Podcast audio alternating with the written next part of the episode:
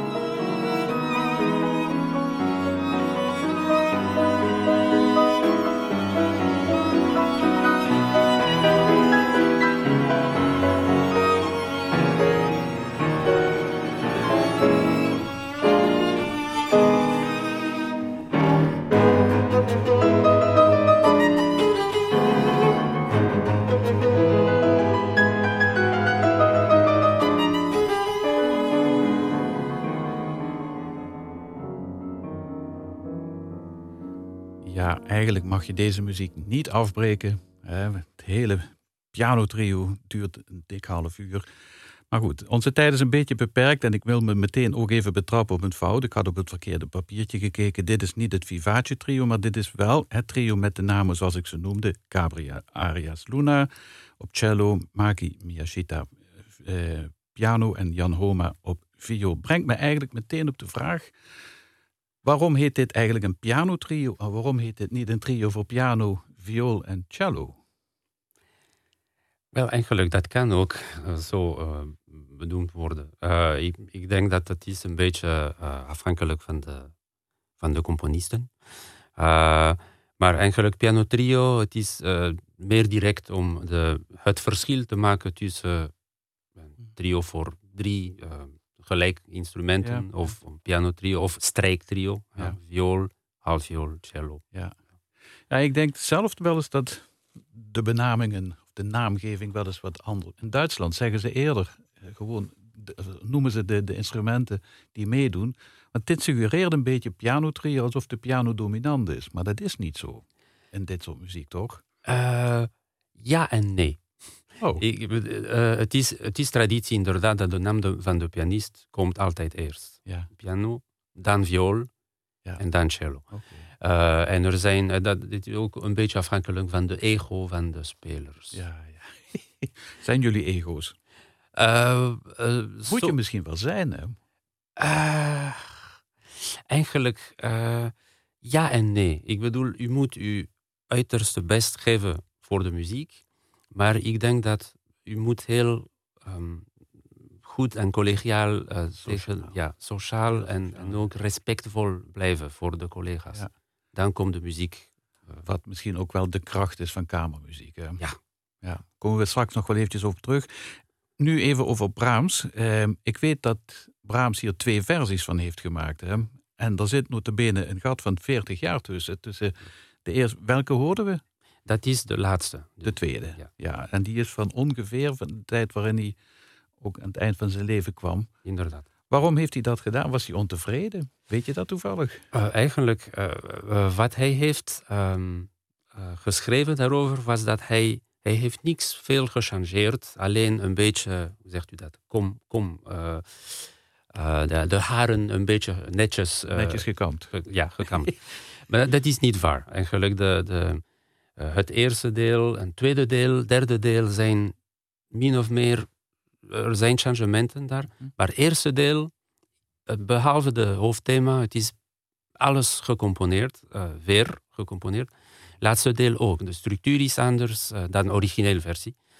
Ja. Ik, ik, vind het fantastisch eigenlijk. Oh, ja, dus. hoe hij heeft dat teruggegaan en naar, naar, naar, niet naar de eerste stijl, maar aan het eind van zijn leven, je kunt voelen in dit stuk dat hij wat minder uh, eerbaarheid had. Ja, ja. Hij was um, meer direct met zijn gevoelens. Okay. En dat is misschien niet altijd echt de, de eerste karakteristiek van Brahms. Nee, dat klopt, ja. Hij, hij heeft wel iets afstandelijks soms, vind ik. Ja, uh, ja. En zou dat de reden zijn dat er ook mensen zijn die wat minder binding hebben met, met Brahms? Ik hoor ze wel eens de ene die zegt, ja jongen, het staat vloek in de kerk als je zegt, ik hou niet van Brahms. En de ander zegt van, ja, ik, ik, hij, hij komt niet binnen op een of andere manier. Zodat daarmee, dus jij zegt dat hij op het eind van zijn leven gevoeliger werd. Uh, tenminste in dit stuk. Ik weet niet of dat echt um, uh, altijd een karakteristiek ja. uh, dat is een beetje persoonlijk. Ja. maar bij, bij dit stuk heeft hij zeker veel directer zijn hart laten ja, spreken. Echt. Ja, oh, nou, bijzonder. Eh, je leest eigenlijk nooit dat auteurs bijvoorbeeld hun boek nog eens gaan herschrijven na 40 jaar. Maar hier is dus toch ergens iets intrinsieks in hem geweest dat gezegd heeft van ik moet aanpassingen ja. gaan maken. Ja. Die afstandelijkheid tussen aanhalingstekens, hè, is dat misschien ook omdat Brahms overwegend absolute muziek schrijft? Ik bedoel, het was een, een no-nonsense componist. Hè? Uh, hij, hij, hield niet van verhaaltjes en van sprookjes, heb ik de indruk. En, en van landschapsbeschrijvingen en dat soort dingen. Zodat daarmee te, is dat de kracht van Brahms? Uh, goeie vraag. Um, uh, ik heb geen. ik, ik, denk dat Brahms is altijd een, een soort balans tussen klassieke, de manier hij componeert en zo, en gevoel. Wat, hij, wat er in de muziek in zit. Oké. Ja, ja, mij doe je er een enorm groot plezier mee hoor, met dit soort eigenlijk best volmaakte uh, kamermuziek. Hè. Zover over Brahms. Ehm, we gaan het straks uiteraard hebben over wanneer begin je idealiter met spelen van cello. Hè, wanneer is dat... Kunnen kinderen dat ook gaan doen en dat soort dingen? Daar gaan we het na het volgende fragment over hebben. Want het volgende fragment brengt mij eigenlijk bij jouw ehm, aanvang als cellist. En ehm, u gaat namelijk eh, luisteren, dames en heren, naar een hele oude opname. Die is 70 jaar geleden gemaakt, begin jaren 50. Dat zijn de openingsminuten van het strijkkwartet van Maurice Ravel. En dat wordt gespeeld door het Stuyvesant String Quartet. Die kent u waarschijnlijk niet eens meer. En waarom Gabriel dit, deze opname wil laten horen, horen we na afloop van een paar minuutjes Ravels strijkkwartet.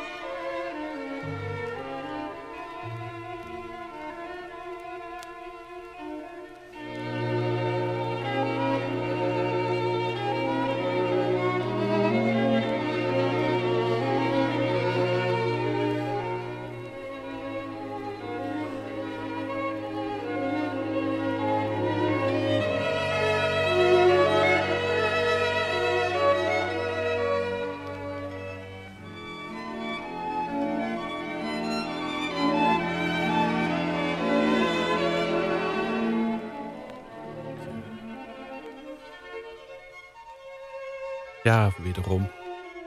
Jammer dat we het moeten onderbreken. Maar u hoorde, waar ik heel graag uitgebreid over kan hebben met hem, Ravels strijkkwartet in F. Eh, het Allegro Moderato Très Doux, zeer zacht heet dat. Gespeeld door het Stuyvesant String Quartet. En dat is een opname uit 1901 of 52, als ik het goed heb, heb eh, voorbereid. U weet natuurlijk dat er tientallen betere geluidsopnames zijn van dit stuk, recentere met name. Maar ik weet ook, en dat weet u nog niet, waarom Gabriel eh, expliciet om deze uitvoering vroeg. Ik zou zeggen, gooi het in de groep. Ehm, ja, het is een, beetje een lang verhaal, maar uh, eigenlijk dit heb ik um, ontdekt uh, toen ik ongeveer negen jaar oud was. En uh, mijn vader had een, had een, een oude tape. Uh, cassette. Cassettebandje. En uh, bandje, ja. En eigenlijk, het was puur toeval. Ik heb dat geluisterd. Ik wist niet wat er was. Er stond niet op de cassette. En ik heb tegen mijn vader gevraagd, wat is dat? Ja, dat is het kwartet van Ravel. En ik geloof dat ik heb dat bijna iedere dag naar deze bandje geluisterd. Uh, tijdens drie, vier jaar, weet ik niet. Het was echt bijna een, een obsessie. Geen slechte obsessie, maar echt een, een, iets die direct naar, naar mijn hart kwam. Oh, dus het was min of meer jouw Eureka-moment. Ja, ja. Zo. Jij speelde nog niks op dat moment? Nee. En je vader wel? Ja, mijn vader uh, is professioneel cellist eigenlijk. Oh. Hij, hij, uh, dus je hebt het van geen vreemde? Wel, nee, eigenlijk. Uh, hij kwam naar België in 74, 1974 om eerste solo cellist te worden van de opera van Luik, Opera Royale de Wallonie. Ja. En daar hij is, is, is hij gebleven tot zijn pensioen, dus tot 2003 min of meer. Ja. En um, toen, uh, in 1984, in, in, 84, uh, ja. toen ik deze bandje ontdekte, ja. uh, ik speelde nog niet cello, maar ik heb dat geluisterd en dan heb ik ook gevraagd mijn vader om de eerste cello lessen te hebben. Zo, op het instrument van je vader? Nee, een, een klein instrument eigenlijk. Ja, dat is wel een, is wel een punt. Hè. Kijk, ik denk dat veel mensen denken of, eh, dat je cello pas kunt gaan spelen als je lichaam daaraan toe is, als het groot genoeg is, je handen groot genoeg zijn en dat soort dingen. Maar er zijn dus ook kleinere afmetingen. Ja, inderdaad. Uh, er zijn, uh, wat u zegt is absoluut waar. Hè? het, moet, het lichaam moet um, um, Vol, ja, volgroeid zijn. Volgroeid, maar ik bedoel, zover als een kind de capaciteit heeft om, om goed te zitten en zo, en dat, kwam, dat kan uh, heel vroeg komen, ja.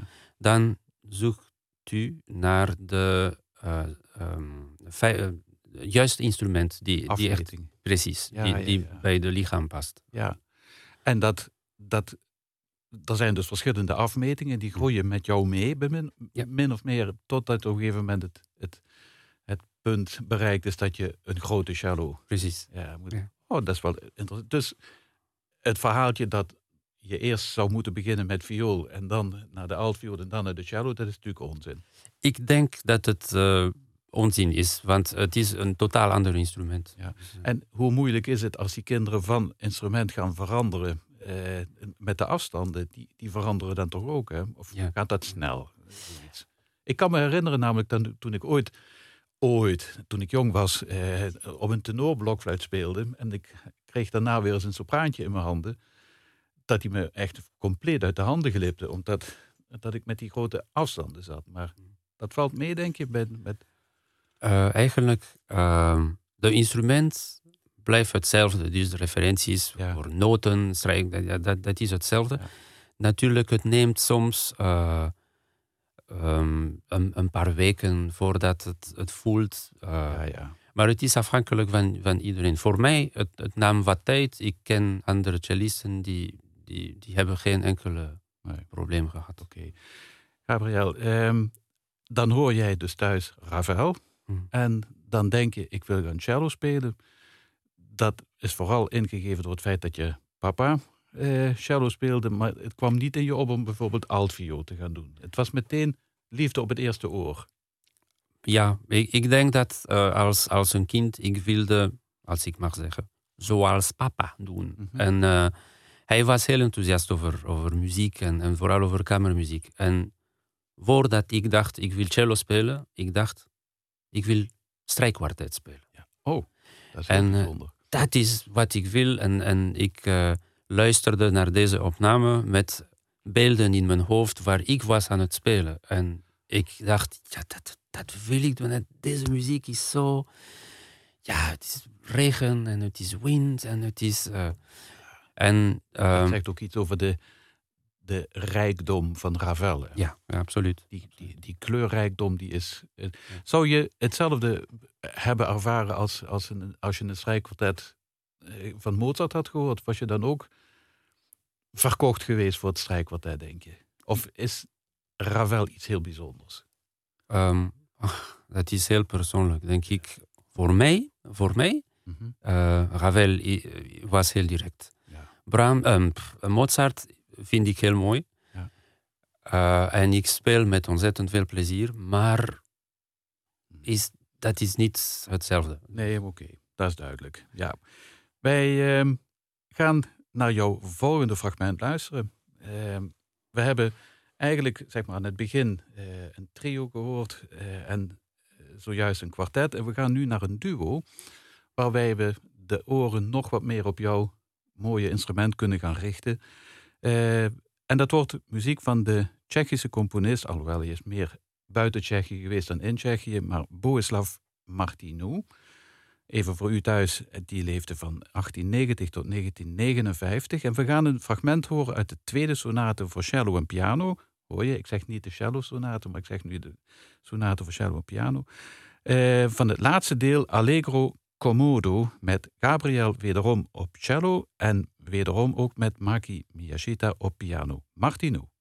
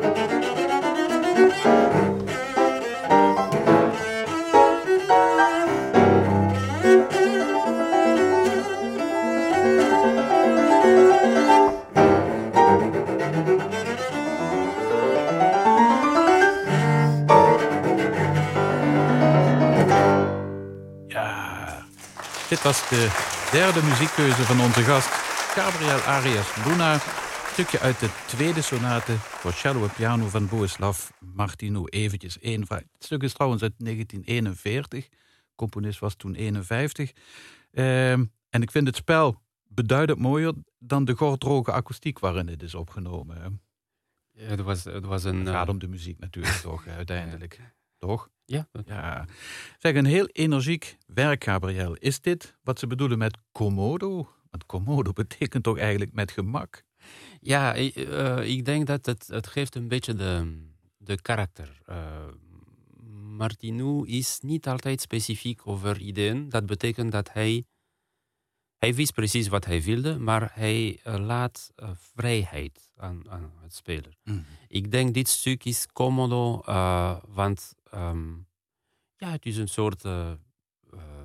het moet iets fris, eenvoudig klinken. Ja. Tenminste aan het begin. Het, het, gaat door met een ontwikkeling, met een, een cadens. En, en, maar de, de algemene sfeer is niet iets donker. Het, het moet iets gewoon fris, uh, frisse Fris. lucht en, en, uh, en mooi, positief. Uh, ja. Ja, ja, ja. Was hij zo'n componist?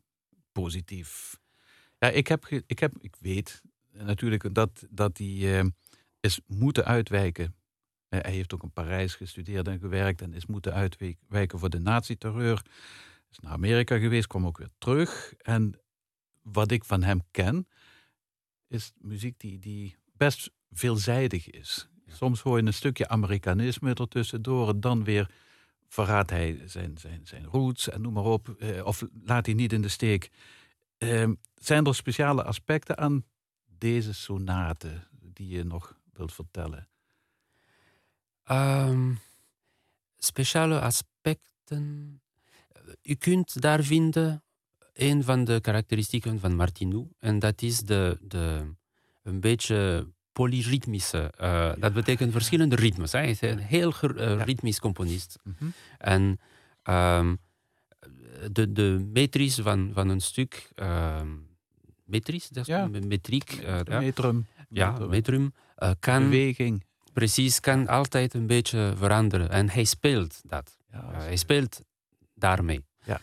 Zeg, hij is nooit, ik bedoel, hij leefde eigenlijk zeg maar in de, in de eerste helft van die 20e eeuw, waarin hm. Europa natuurlijk compleet op de kop stond wat, hm. wat betreft de muziekontwikkeling. Hij is daar niet in meegegaan. Hij is niet, zeg maar, eh, atonaal geworden en dat soort dingen. Het klopt. Hij, hij was, uh, ik denk hij heeft een beetje, zoals u uh, gezegd uh, heeft, van verschillende soorten muziek. Hij, hij, heeft ook bij een tijdje bij Albert Roussel gestudeerd. Oh ja. Hij was heel concreet. Maar hij heeft zijn eigen idioom ja, in ja. muziek gevonden. En als u, hij is een van de, de grote de, de componisten. Als u kent een beetje uh, de stijl, soms in sommige stukken kunt u hem bijna onmiddellijk identificeren. ah, dat, dat is Martino. Ja, en dat is, ik denk, de, de trademark of, of, of een, een meester. De stempel eigenlijk. Ja, stempel. Ja, ja mooi. Ja, is mooi. Ja, goed, dat heeft Brahms ook, wat we straks Absoluut, geluisterd ja. hebben. En dat hebben tientallen anderen natuurlijk ook. Ja. Ik wil toch nog heel even terug ook naar, naar jouw instrument. Um, dat vind ik eigenlijk eh, echt fijn als je ons stel eens gaat uitleggen. Zo'n als je zo'n instrument op een gegeven moment moet gaan aanschaffen. En dan sta je in een winkel of je staat in een atelier. En er staan drie cello's, of twee, whatever. Um, het zijn dus niet zoals auto's twee identieke instrumenten, maar ze hebben een eigen ziel. Ja.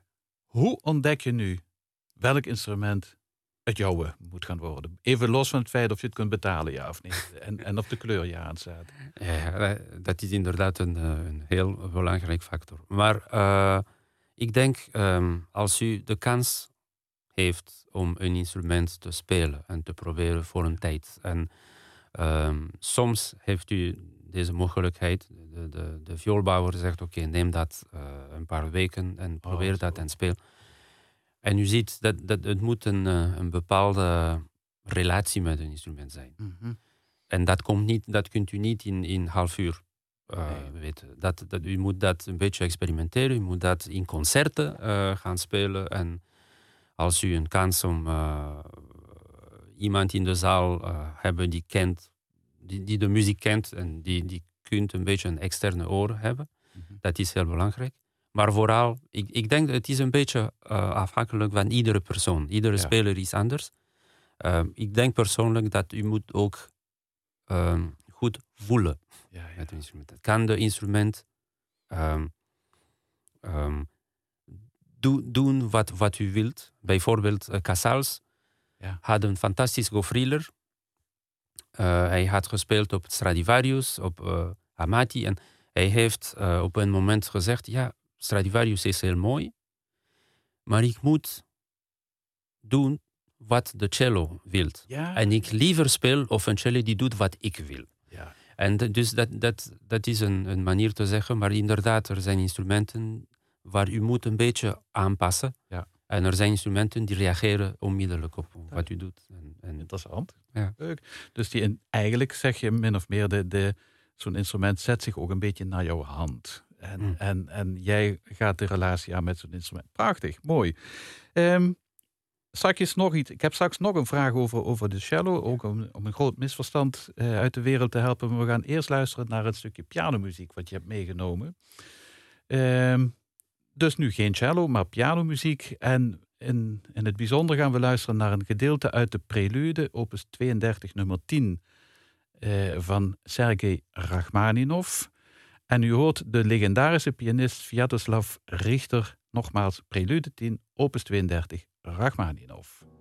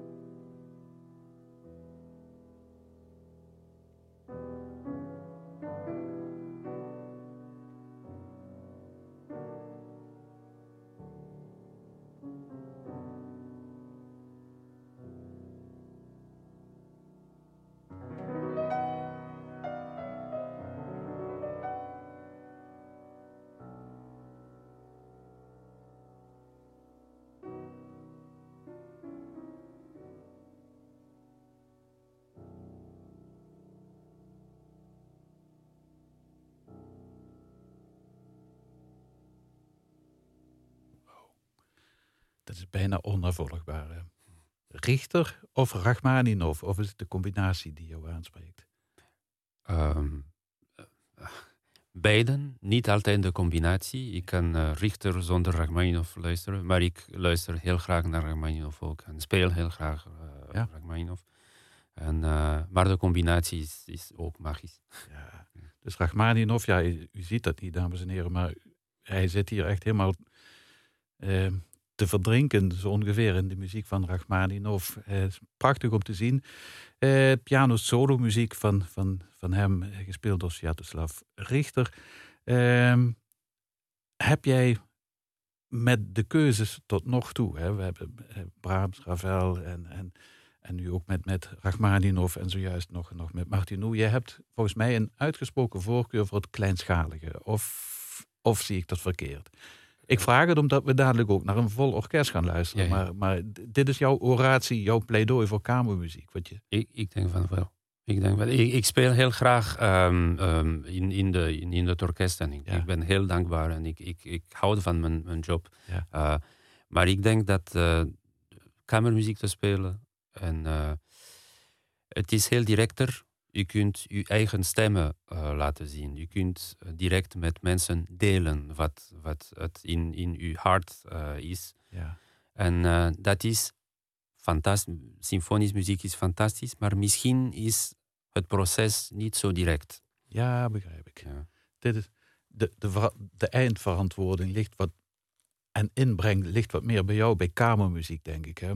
Ja. Mag je wat meer... Misschien, uh, dat kies ik niet bewust. Het is echt een, een manier, uh, ja. ja, het raakt mij misschien meer. Ja. Ik vind dit een hele mooie manier om, om ja, zeg maar je eigen vak en je eigen specialisme, want dat is het. Eventjes voor u thuis, hij geeft ook eh, masterclasses. Hij gaf les in Luik en, en ook in Maastricht op het conservatorium. Maar hij is ook naar Japan en, en, uh, en Mexico geweest om masterclasses te geven, kamermuziek en dat soort dingen.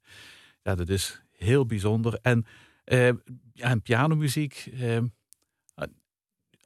speel je zelf ook een klein beetje piano? Of nee, maar mag dat geen naam hebben? Of zeg je van, het is mijn tweede talent? Uh, helaas, helaas niet. Eigenlijk, mijn moeder is professioneel pianiste. Kijk eens. En ze was begeleider van mijn vader. Ze hadden een duo cello-piano. Ja. Um, ik heb een zus die heeft met Jean-Claude van den Eyden um, gestudeerd en ze heeft haar solo-diploma behaald in Brussel. Um, en mijn, mijn zwager, Leon Bak, Nederlandse pianist, componist, ja. uh, die leraar is in, aan het Utrechts Conservatorium. Um, ook repetitor, uh, cellist in de, de klasse van cello en viool. Uh, professioneel pianist van, van heel hoog niveau. Dus ik hoor de piano vaak. En, en dat uh, heeft uh, zijn, zijn gangetje naar, naar mijn hart ja. gegaan. Ja, mooi. ja, mooi. Je, je, drukt het prima uit. Jij bent bij de Philharmonie Zuid-Nederland, die wij aanstonds gaan horen in een stuk van Berlioz. Je bent de aanvoerder en solocellist. Nou wil ik beginnen met een hele gekke vraag. En die vraag die krijg ik heel vaak gesteld.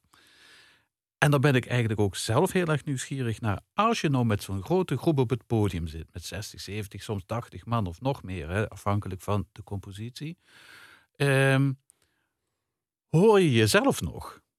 Uh, mij lijkt dat als je met die koperblazers op de achtergrond en, en met, met zoveel decibellen, maar hoor je jezelf nog helemaal terug?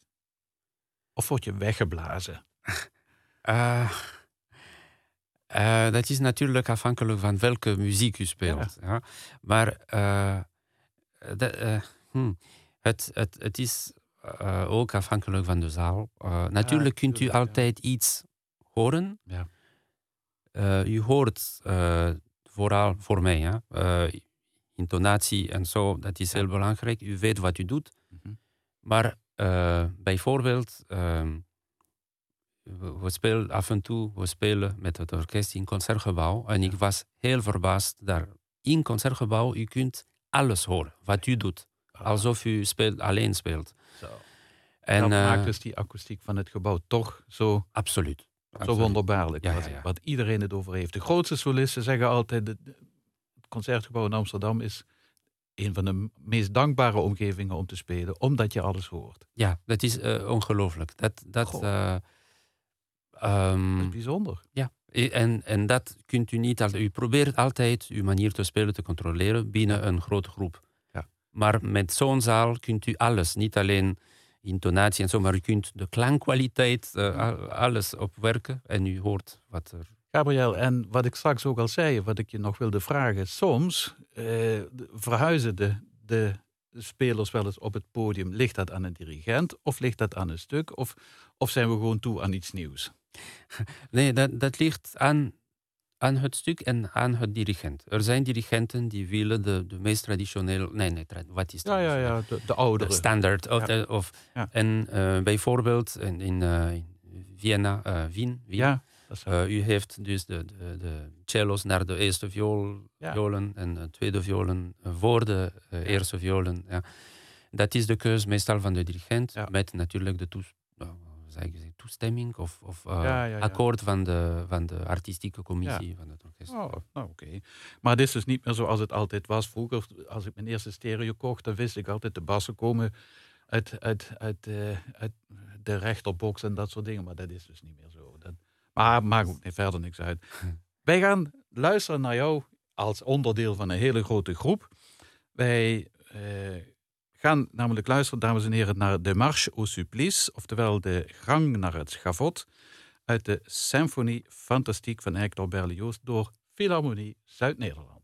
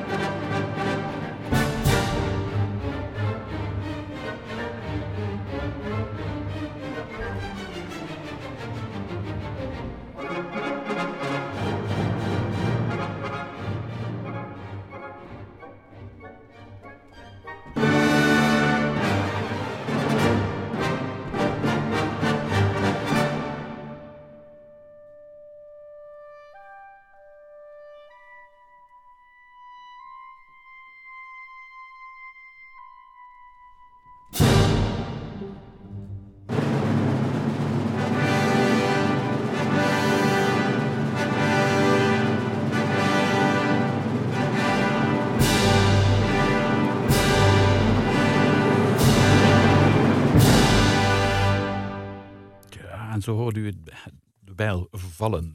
en werd hij uiteindelijk ter dood veroordeeld in zijn dromen. Ja, een heel verhaal, te lang voor, om, om nu te gaan vertellen. Uh, ik neem toch aan dat het orkest ook langzamerhand uitkijkt naar hervatting. Vind je niet ook? Het is toch, het is toch verschrikkelijk dat we, dat we zo lang die muziek moeten missen. Hè? En ook ja, absoluut. Krijg je signalen van je collega's dat ze zeggen van wanneer mogen we eindelijk weer eens uh, tot nu toe, nee, we zijn blij dat we kunnen nog uh, uitzendingen of, of uh, opnames maken. maar we wachten. Ja, nou ja, het is, het is, ja, we moeten wachten. Er zit niks anders op. Maar missen doen we het wel. Ja. En, niet, en niet een klein beetje. Nee, dat nog toe.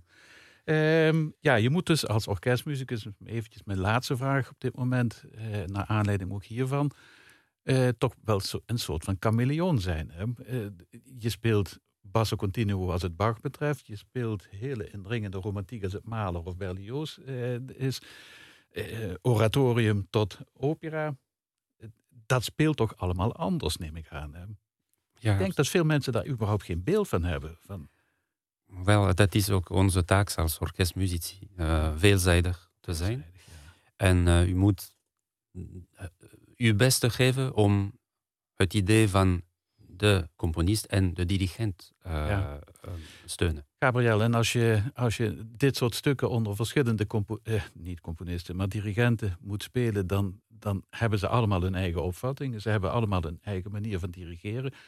Valt er mee te dealen? Kun je daarmee, kun je daarmee leven? Of ga je wel eens met, met krampen in de aderen naar huis en denk van, nou, daar ben ik het helemaal niet mee eens. Ik, ik had het gelukkig, het gebeurt niet zo vaak, maar dat kan gebeuren. En, uh, de, dus de, grote uitdaging is precies, uh, zelfs uh, u geeft u 100% voor een idee die niet overtuigend is voor u. Ja. maar meestal, dat is raar, meestal ontdekt u nieuwe facetten van een stuk met andere componisten. Maar dat is inherent, inherent aan het, aan, het, aan het orkestmuzikus zijn. Precies, dat je, precies. Dat je, ja, fijn.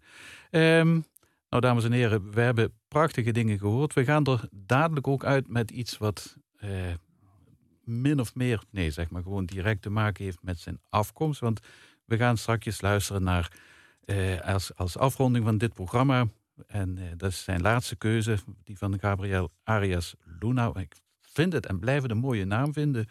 Um, en dat is muziek van Mexicaanse bodem. Een trio Los Tres Diamantes, als ik het goed uitspreek. Perfect. Dankjewel. Speelt Corazon. Ja, eh, hart. Ja. Betekent dat van Consuela Velázquez. Uh, heel goed, bijna perfect. Uh, Consuelo Velázquez. Uh, ze is inderdaad um, een ander stuk van haar is heel bekend. Het is de, de Besame, Besame Mucho. Dat oh, is van haar, ja, precies. En ze heeft veel andere liedjes uh, gecomponeerd en dit is een, een van hun. Ja. ja. Maar dat is, dan gaat je hart nog wat sneller kloppen als je dit weer hoort dan. Ja, het, is, ja, het, is, zit toch, het zit toch ergens in je, neem ik Uit Mexico. Ik, ik, denk van wel, ik zing met plezier ook. Dus, ja? Uh, ja. dat is jammer, dat had je eerder moeten zeggen. Dan had ik je uitgenodigd om, uitgedaagd om wat te gaan zingen hier. Maar nee, maar ja, Corazon, eh, driestemmig liedje is dat. Eh, nogmaals van Consuelo Velázquez, als ik het goed zeg. Ja, en anders dan tik je me maar op de vingers. Driestemmig liedje is dat, eh, en gezongen door Los Tres Diamantes. Op percussie, twee gitaren en driestemmig zang dus. Dat gaan we zo meteen als afronding horen. Ik dank mijn gast Gabriel Arias Luna voor dit gesprek. Dank u. En ik wens je heel veel succes als alles weer op gang komt. Ehm, ja, en u thuis uiteraard bedankt dat u bij ons was. Dit programma, even voor de volledigheid, eh, wordt dinsdag aanstaande 25 januari om 10 uur s'avonds nog eens herhaald.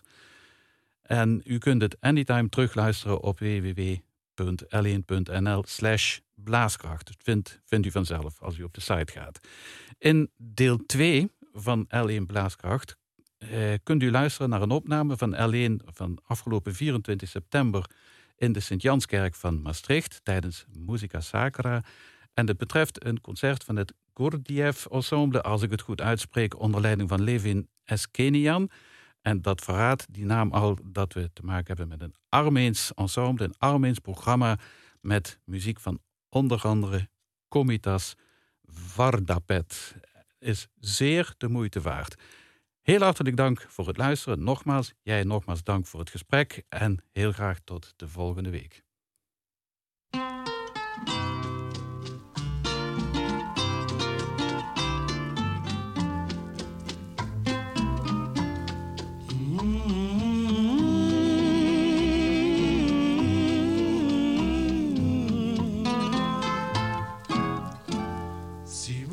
En la vida, amor sin desengaño.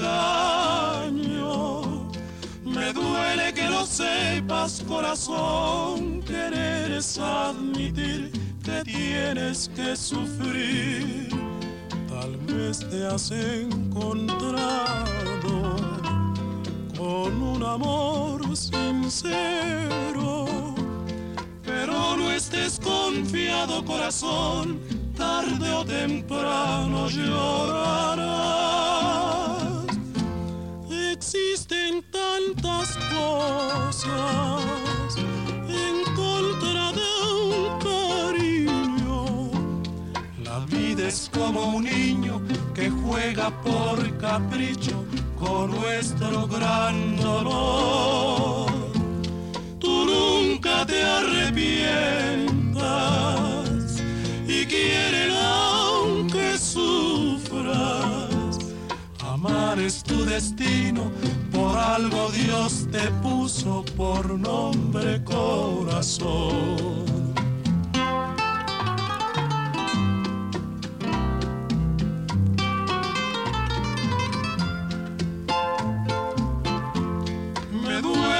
Sepas corazón, querer es admitir que tienes que sufrir.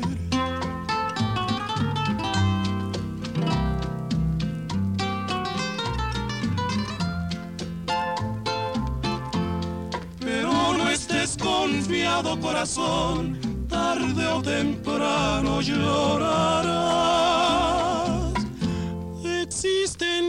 Tantas cosas en contra de un cariño. La vida es como un niño que juega por capricho con nuestro gran dolor. Tú nunca te arrepientas y quiere aunque sufras. Amar es tu destino por algo Dios te puso por nombre corazón.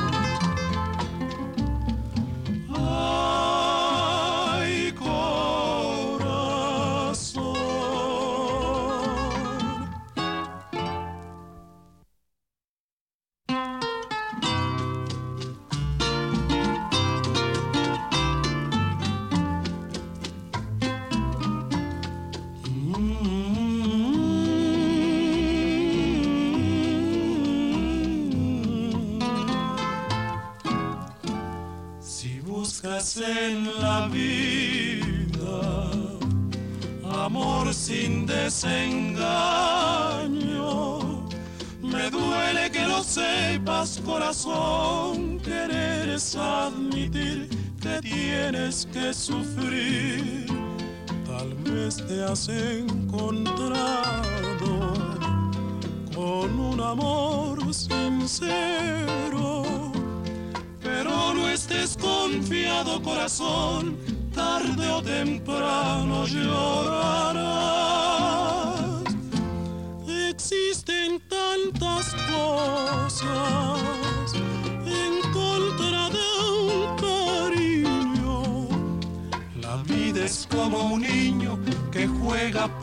capricho con nuestro gran dolor nunca te arrepientas y quieren aunque sufras. Amar es tu destino, por algo Dios te puso por nombre corazón.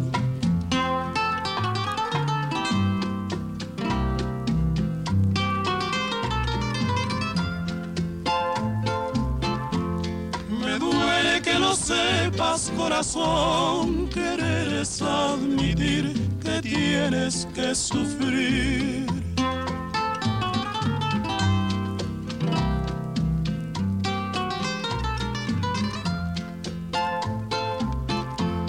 Pero no estés confiado corazón, tarde o temprano llorarás. Cosas en contra de un cariño. La vida es como un niño que juega por capricho con nuestro gran dolor.